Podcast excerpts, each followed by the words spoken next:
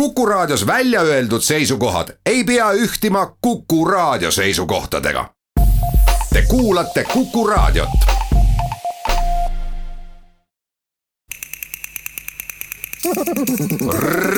reisirada nagu ilmselt paljud eestlased ei teadnud ka mina väga palju äh, Makedooniast, et äh, läksin sinna selliste võib-olla natukene tagasihoidlikuma ootustega, aga, aga see, mis ma seal nägin, oli ikkagi midagi täiesti erilist, et, äh, et need muljed, mis äh, need kaks-kolm päeva seal kohal olles äh, jätsid, on äh, täiesti erakordsed, et äh, ma arvan, et Nordic on tõesti leidnud ühe äärmiselt äh, toreda ja põneva linna Euroopast, äh, kuhu, kuhu äh, soovitan kõigil minna. ja kui, kui mõelda sellistele perereisidele, siis ma arvan, et just see on ka ideaalne koht, sest teatavasti perega reisides on suuremad kulud, et see kohapealne elu seal on ikkagi väga soodne võrreldes nii-öelda Eesti, Eestiga, et ja äärmiselt toredad inimesed, äärmiselt tore loodus, see järv, mis Ohridi linna nii-öelda sama, sama nime kannab, on, on lihtsalt midagi täiesti erilist, et jah, me oleme harjunud tõesti võib-olla merede ja ookeanite äärde sõitma, aga aga see järv on täiesti mm, eriline, et saab ujuda, tegemist on äärmiselt puhta veega ja, ja kindlasti soovitan usutlesin Toomas Uibot, Nordica marketingi ja kommunikatsioonijuhti lennujaamas peale reisi lõppemist. tere, Kuku raadio kuulaja! tänane reisirada viibki selle maailma ühte erilisse paika, mis täna kannab nime Ohrid. aegade taga aga Lihnidos ehk valguse linn tekkis ta Valge järve ümber, mille läbipaistvus ja tema kohal pidevalt muutuv helendus on talle nime andnud. selle paigaga on seotud ühe Kreeka mütoloogia suurima kangelase nimi ajast, enne veel, kui kuulsaks sai Herakles. selleks kangelaseks oli Kadmus, Egenori ja Föniitsia poeg, päritolult foiniiklane kusagil Aasia ja Aafrika vahel. saatejuht Jaak Arin tervitab teid saatesse Reisirada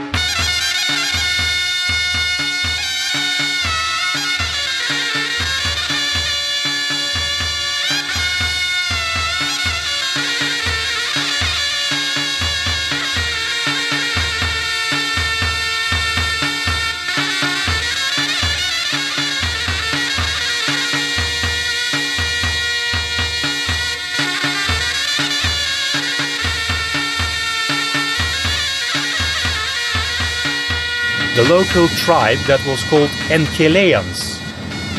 If we tr- give a translation to their name, they identify themselves with eels. Eels, the long fish.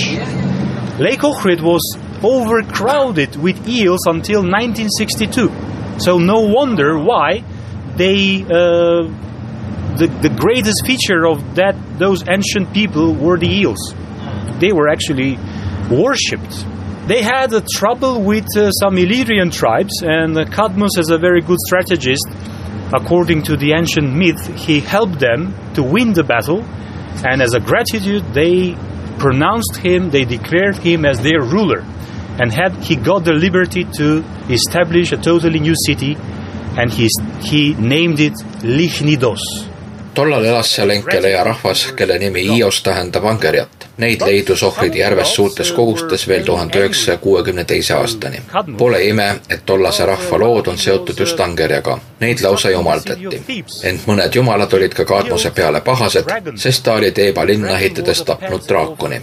Zeus needis ta ära, et tal ei oleks elus õnne. tema naine Harmonia oli Aarese ja Afrodite tütar kuid Afrodite tegelik abikaasa oli Hephaistos, allmaailma sepp. ta oli väga armukade ja andis oma võõrast tütrele neetud kaelakee.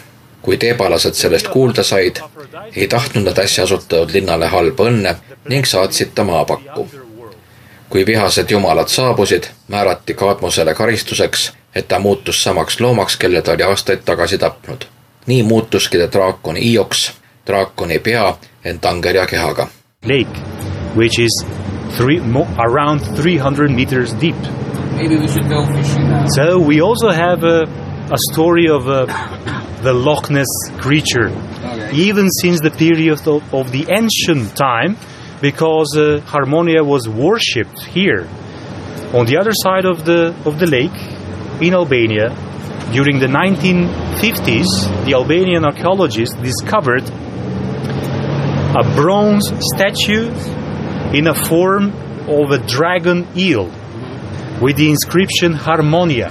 So she was highly appreciated and respected during the ancient time. järv on kolmsada meetrit sügav, niisiis naerab meie giid, on ka meil oma Loch Nessi koletise lugu olemas. Harmooniat aga jumaldati ka teispool järve. tuhande üheksasaja viiekümnendatel aastatel avastasid Albaania arheoloogid pronksist draakoni Angerja kuju, mis kandis harmoonia nime. viimase saja aasta jooksul on arheoloogilistel väljakaevamistel leitud palju, näiteks kaks, hiljem koguni viis kuldset surimaski. ärge unustage, rõhutab giid uhkelt, et me räägime kuuendast sajandist enne Kristust. Bulgarians kept that as a, as a secret. They uh, In 1917 was in 1917 there was no publication about the findings, and uh, the archaeological excavation in a, in a hurry was conducted by the Minister of War Bogdan Filov, who later became uh, the Prime Minister of Bulgaria. And uh, then he wanted to praise, praise himself, and uh, during the 1930s he published all, everything that uh, he discovered. And then the Serbs read about it, they somehow got that book, and they went to the same spot and they discovered two other gold masks. So, two are now in Bulgaria, two in Serbia, but in 2002, just behind this wall, behind the upper gate, the Macedonian archaeologists discovered bulgaarlased jätsid tuhande üheksasaja seitsmeteistkümnendal aastal oma leiud saladusse. ei mingeid publikatsioone. kiiremas korras viis arheoloogilisi kaevamisi läbi sõjaminister Bogdan Filov, kes sai hiljem Bulgaaria peaministriks. siis tahtis ta ka endale kuulsust koguda ja nii avaldati kogu materjal tuhande üheksasaja kolmekümnendatel aastatel. serblased said raamatu kätte, läksid samasse kohta ja leidsid veel kaks surimaski. Neist kaks asuvad nüüd Bulgaarias ja kaks Serbias. kahe tuhande teisel aastal leidsid Makedoonia arheoloogid veel viiendagi kuldse surimaski, milleks oli skelett kuldse maskiga. seda viimast hoitakse nüüd Makedoonia Vabariigi territooriumil Ohridi muuseumi kuldses kambris. kujutis ise on aga ka viiesaja denaarisel rahatähel reisirada. tänaseks on see imekaunis linn unustuse hõlma vajunud. kunagi, kui öeldi Dubrovnik, mõeldi ka ohrid, siis ununes linn, mida tänu rohketele Osmanite rajatistele ja paljudele kirikutele nimetati ka Balkani Jeruusalemmaks. peale kodusõda nihkus ohrid Matsedooniasse mida Euroopas tuntakse esmajärjekorras põgenikekriisi kaudu. Üheksas sajand oli aga see, mis kujunes ohvridi õitseajaks. Need olid Kliment ja Naum, keda seostataksegi slaavi renessansi kuldajaga.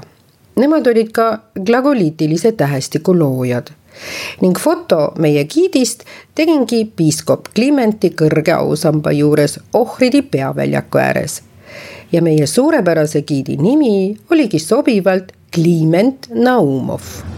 The ancient name of Ohrid was Lichnidos. Lichnidos. And Lichnidos means, translated, means the city of divine light. light of God.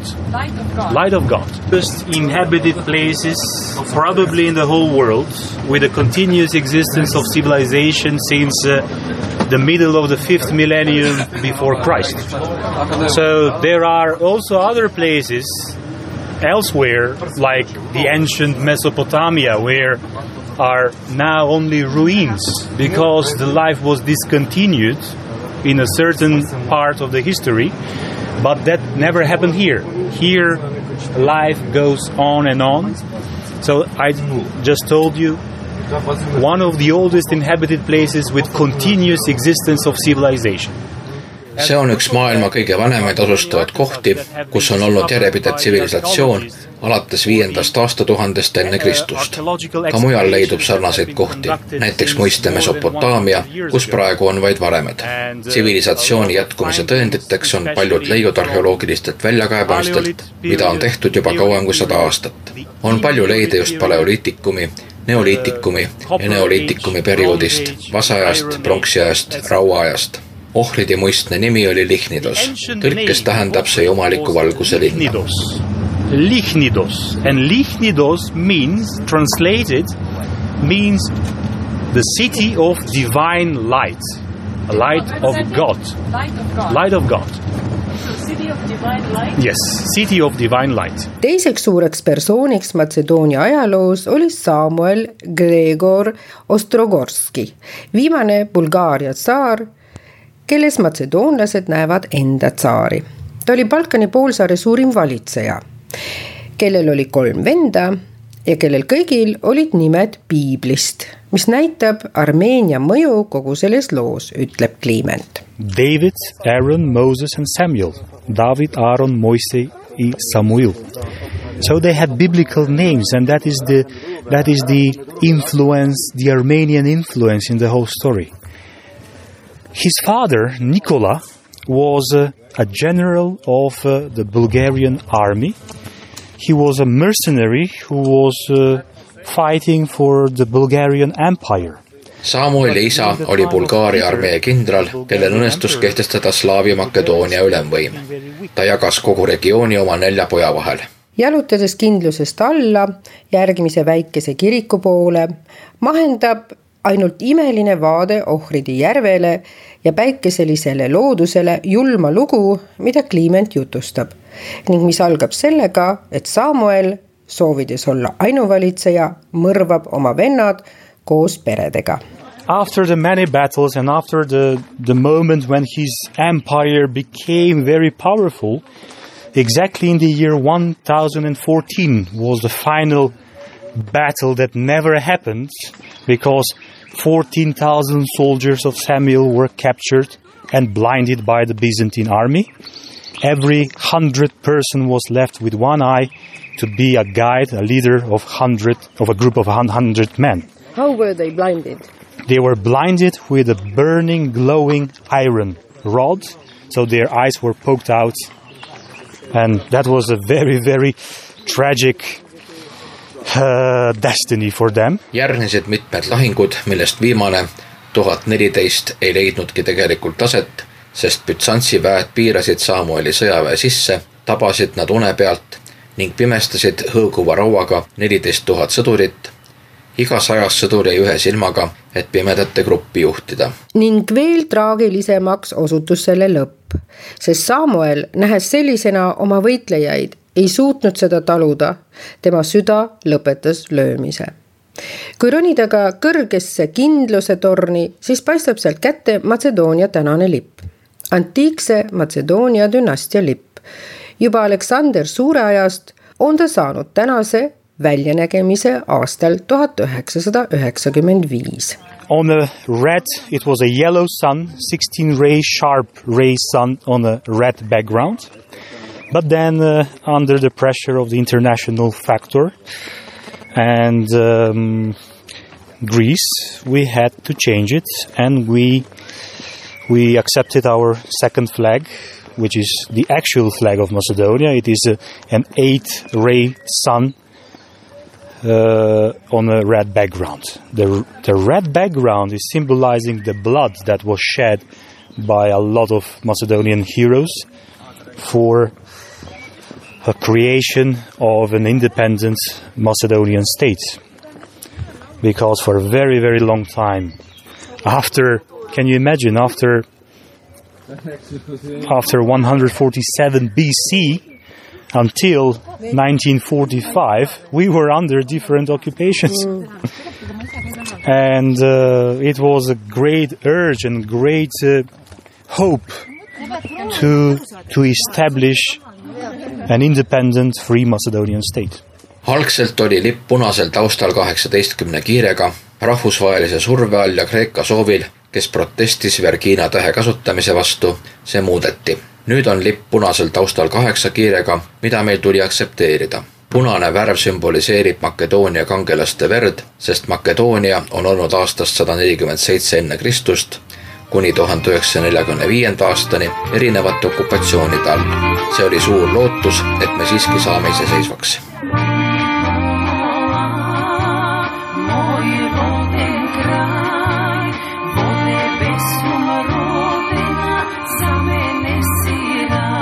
muusikapoes kuulame Klimentiga koos mõnda tüüpilist Matsedoonia lugu. Ühe juures tulevad Klimentile pisarad silma. It's about uh, a, a, girl, a young girl, who, whose name is Lena, or is it like an abbreviation of Helena? And uh, what is very coincidental is that uh, they played it uh, when uh, on this day, which is now the 3rd of June, and we celebrate the holiday, the religious holiday of Constantine and Helena, Emperor Constantine and the Empress, his mother Helena, who were um, responsible for recognition of uh, the Christian faith as equal in the Roman Empire in 313. Uh, I get uh, emotionally attached to this uh, this song because first. Um, my grandmother was Elena, and also my sister is Elena, and she's now uh, today celebrating her name's name's day. She's she's pregnant. She's uh, waiting uh, twins, and uh, later tonight we will go to, to, to visit her my whole family to wish her happiness and and to be healthy.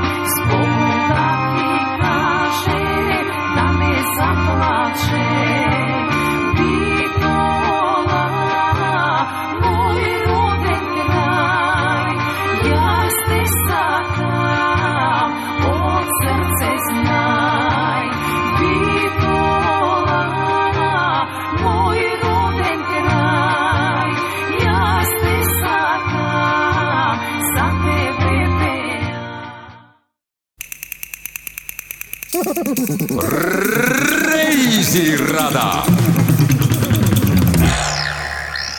suur vanematest daamidest koosnev Poola grupp koguneb väikese poekese ette Ohridi peatänaval. poe omanik astub ukse ette ning selgitab näidete varal Ohridi üht ihaldusväärsemat suveniiri, mis kuulub Ohridi käsitöö ja kultuuripärandisse peremehe perenimi on siin sama kuulus kui Ohridi väljakul hiigelskulptuuridena seisvad ajaloolised kuulsused. I'm uh, Mikhail Vilev, uh, fourth generation maestro who know recipe and process of original Ohrid pearl making. To właśnie to jest właściciel tej, e, tego sklepu, tak samo jak tutaj tam, to jest, on jest czwarta generacja, która tym się zajmuje. Original pokolenie. original Ohrid pearl is a make for the two natural material. First natural material included in the process is the shell. Tuhande üheksasaja kahekümne kaheksandal aastal avastas Mihhail Filev saladuse, kuidas teha pärleid plastikast Ohridi järve endeemilisest kalast, räägib Mihhail Filev noorem. see oli aasta tuhat üheksasada kakskümmend kaheksa, kui mu isa Mihhailo Filev sellega alustas. It's very interesting uh, of the world because uh, included on the natural pearl is the second place of the material who included natural production. First, for all pearl and for Ohrid pearl, important is the shell. But we take the heart of the shell, not pearl who is coming in the shell. We take the mother of pearl. With this material, created different uh, size, form, shape, and then go to the second natural process, natural material. That is the name is Ohrid pearl because uh, hunting one small fish. See on väga huvitav pärl. see on teine koht maailmas, kus valmivad naturaalsed pärlid. troopilistes maades on oluline teokarp, kus pärl valmib. meie aga võtame, loome ise naturaalse pärli, mille nimi ongi Ohridi pärl, sest me püüame selleks kala, mis on meie endeemiline liik. After that, liquid emulsion implant or layer outside of all pearl come from the shell. And many many famous people, the famous uh, royal family uh, use this uh, jeweler, for example, Sweden queen, Danish queen, the Netherlands queen, and many many many actor, leader and uh, very best paljud kuulsad inimesed kannavad nendest pärlitest juveele nagu Rootsi, Taani, madalmaade kuningannad ning ka tänased kuulsused. Paljud ajaloolised isikud on neid kandnud ja meie teeme neist repliike. iga delegatsioon, mis külastab ohvridi ja iga delegatsioon, mis läheb ohvridist välja, võtab kingina kaasa ohvridi pärlid, sest kõik on käsitöö ning neid ei ole palju, sest toodang on limiteeritud. Ohridi pärlid on Ohridi kõige kuulsamad suveniirid. turistid annavad hea meelega välja kuni kolmsada viiskümmend dollarit kaelakee või paari kõrvarõngaste ostmiseks. ja sealjuures ei pärine need pärlid sugugi Ohridi järvest, vaid hoopis India ookeanist. tegemist on toorpärlitega, mis on neli kuni neliteist sentimeetrilise läbimõõduga. Neid väärindatakse seda tehakse sädelevate kalasoomustega mille kõige huvitavamad on kala kõhu peal. soomustest tehakse pulber ning sellest pereretsepti alusel emulsioon. Toorpärleid pintseldatakse ja seda protseduuri korratakse kuni seitse korda. pärlid kuivavad ja pärlendavad lõpus erilise sädelusega.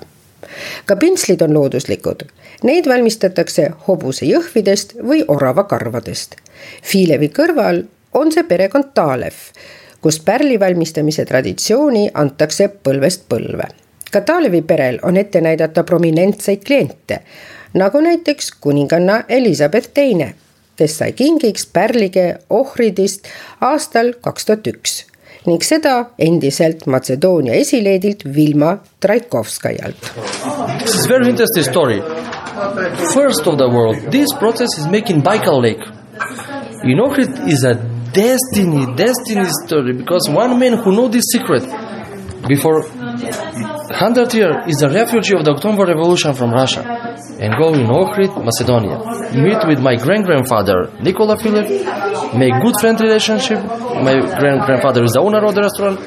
Make good friend relationship and uh, tell a secret how to do here original Ohrid pearl because they look the same flora and fauna of Ohrid Lake and Baikal Lake. Sh- uh, fish uh, live uh, in Ohrid endemical form and tell my grandfather, please bring me live fish. I make this, and when it uh, exists, it's possible to in Ohrid continue with this uh, story and heritage.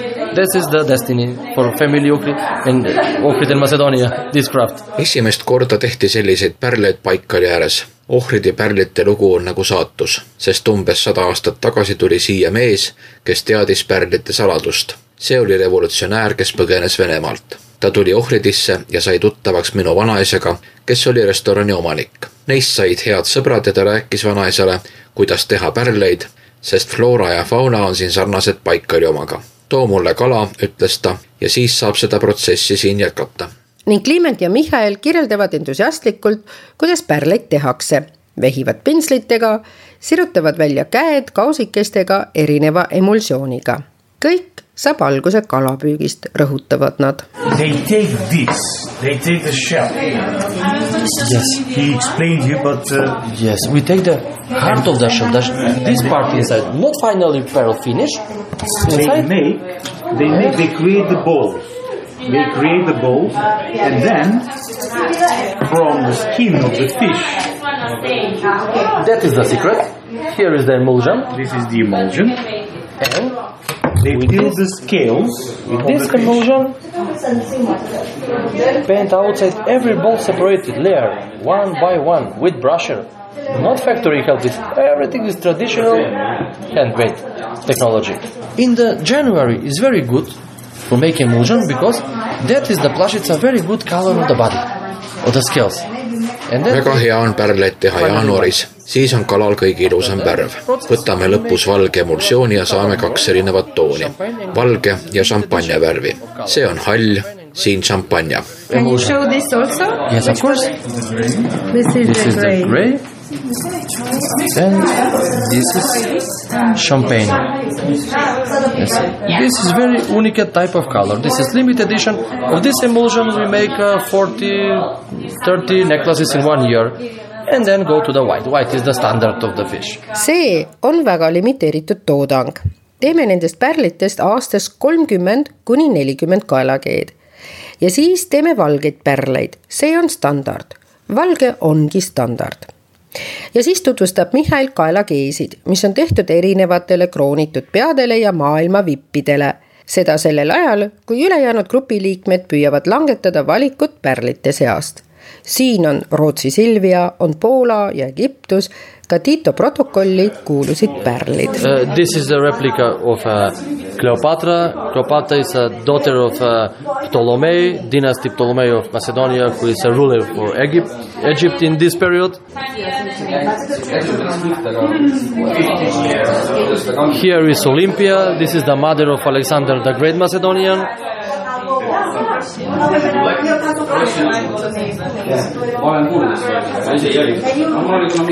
This is replica of jewelry of uh, Princess Kosara, daughter of the Samuel, Macedonian queen in the Middle Age.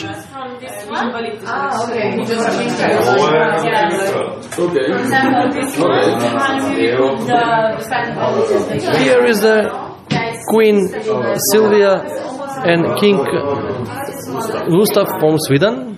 This is the model of uh, Queen Juliana of the Netherlands. Uh, this model is in the period of the Yugoslav.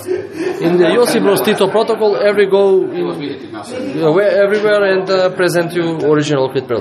Here is a Margaret II of Denmark. Here is a Bulgarian Queen Joanna Savoyska. Here is a Serbian Queen Maria Karađorđević. This is my grand grandfather to make special jewelry for Maria Karađorđević and for uh, Bulgarian Queen Joanna Savoyska.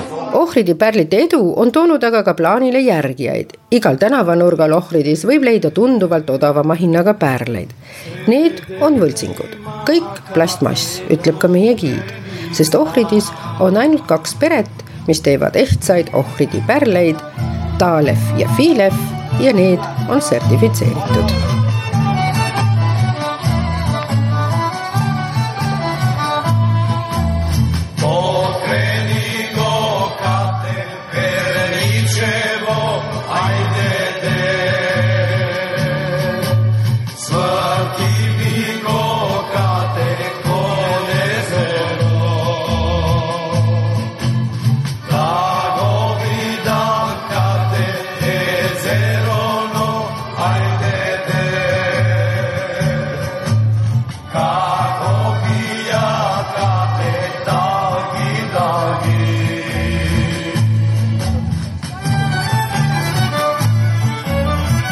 lõunas Gradiše poolsaarest asub kahekümnele vaiale ehitatud hoonest koosnev küla vee peal. kolm tuhat aastat tagasi oli selles kohas juba asustus. Need inimesed tollal olid sama mugavad kui meie täna, visates peale sööki toidujäätmed lihtsalt aknast vette. nii tutvustab Kliiment seda paika, mis täna näitab end romantilise veest ümbritsetud vabaõhumuuseumina. okstest, savist ja heinast tehtud majakesed näevad välja nagu kunagised originaalid. sillake viib saarele, millel asuvadki need väikesed, mugavad, lihtsad ja sooja kliimaga hästi sobivad majakesed ka Ohride järv ise kutsub suvekuudel ujuma, sest veetemperatuur tõuseb kuni kahekümne viie kraadini. ja seda järves, mis kuulub oma loomisajaga maailma vanimate sekka. Ohridist tasub sõita ka kolmekümne kilomeetri kaugusel asuva klooster Sveti Naumi juurde. sealt on ainult veel mõnisada meetrit Albaania piirini. peale kloostri enda on suurimaks vaatamisväärsuseks looduspark Galitšitsa Sveti Naum on Bulgaaria õigeusu kiriku pühak, kes pikalt ohridis elades rajas selle kloostri. tema ümber jalutavad uhkelt paabulinnud. saate tehnilise külje eest vastutas Veiko Rebane. tekste luges Toomas Metsis kuna aktuaalne on praegu ka Matsedoonia uue nime saamise lugu, siis saate seal ka kuulata kohalike arvamust. muidu aga nautida nii linna kui selle turgu kloostreid ja restorane ning loomulikult muusikat. sellega tahangi saate Balkanile nii tüüpilise muusikaga lõpetada, mida te ohvridi sumedatel õhtutel ning ka päeval rohkelt kuulete. Tea Karin ütleb sellel pühapäeval head aega ning soovib ilusa suve jätkuvat nautimist. lugu kogu Balkani regioonist, mis annab edasi selle tunde, mis tekib, kui ühele nendest maadest saabunud olete Super hit. Listen now, Balkania. This is Dr. Kosti Forza